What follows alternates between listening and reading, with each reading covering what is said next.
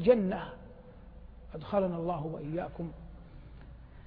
كتب الله لأهلها الخلود الأبدي فيها. وقد مر معنا مرارا وهذا من حسن القول الذي يكرر إن من أهل الجنة لمن ينظر إلى وجه الله بكرة وعشية. ولا يمكن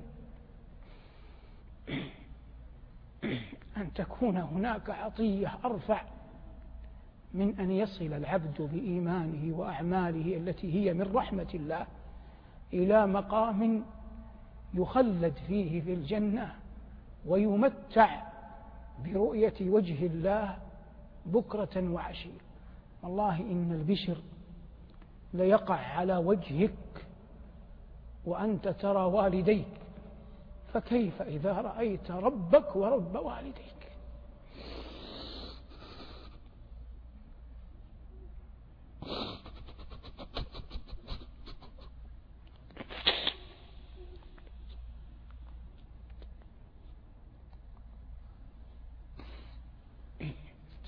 كلما دعاك الشيطان إلى أن تعصي الله فتذكر ما نعمة أن يجعلك الله ممن يمتع برؤيته.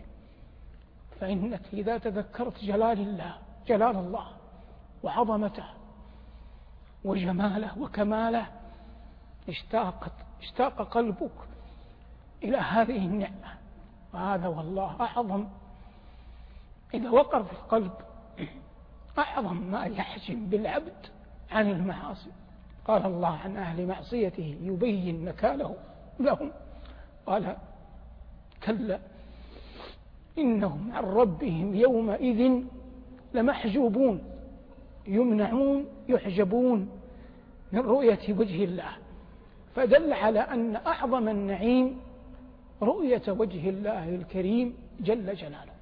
ونحن على يقين أن أعمالنا أقوالنا أفعالنا سرائرنا لا تؤهلنا لهذا الأمر البتة.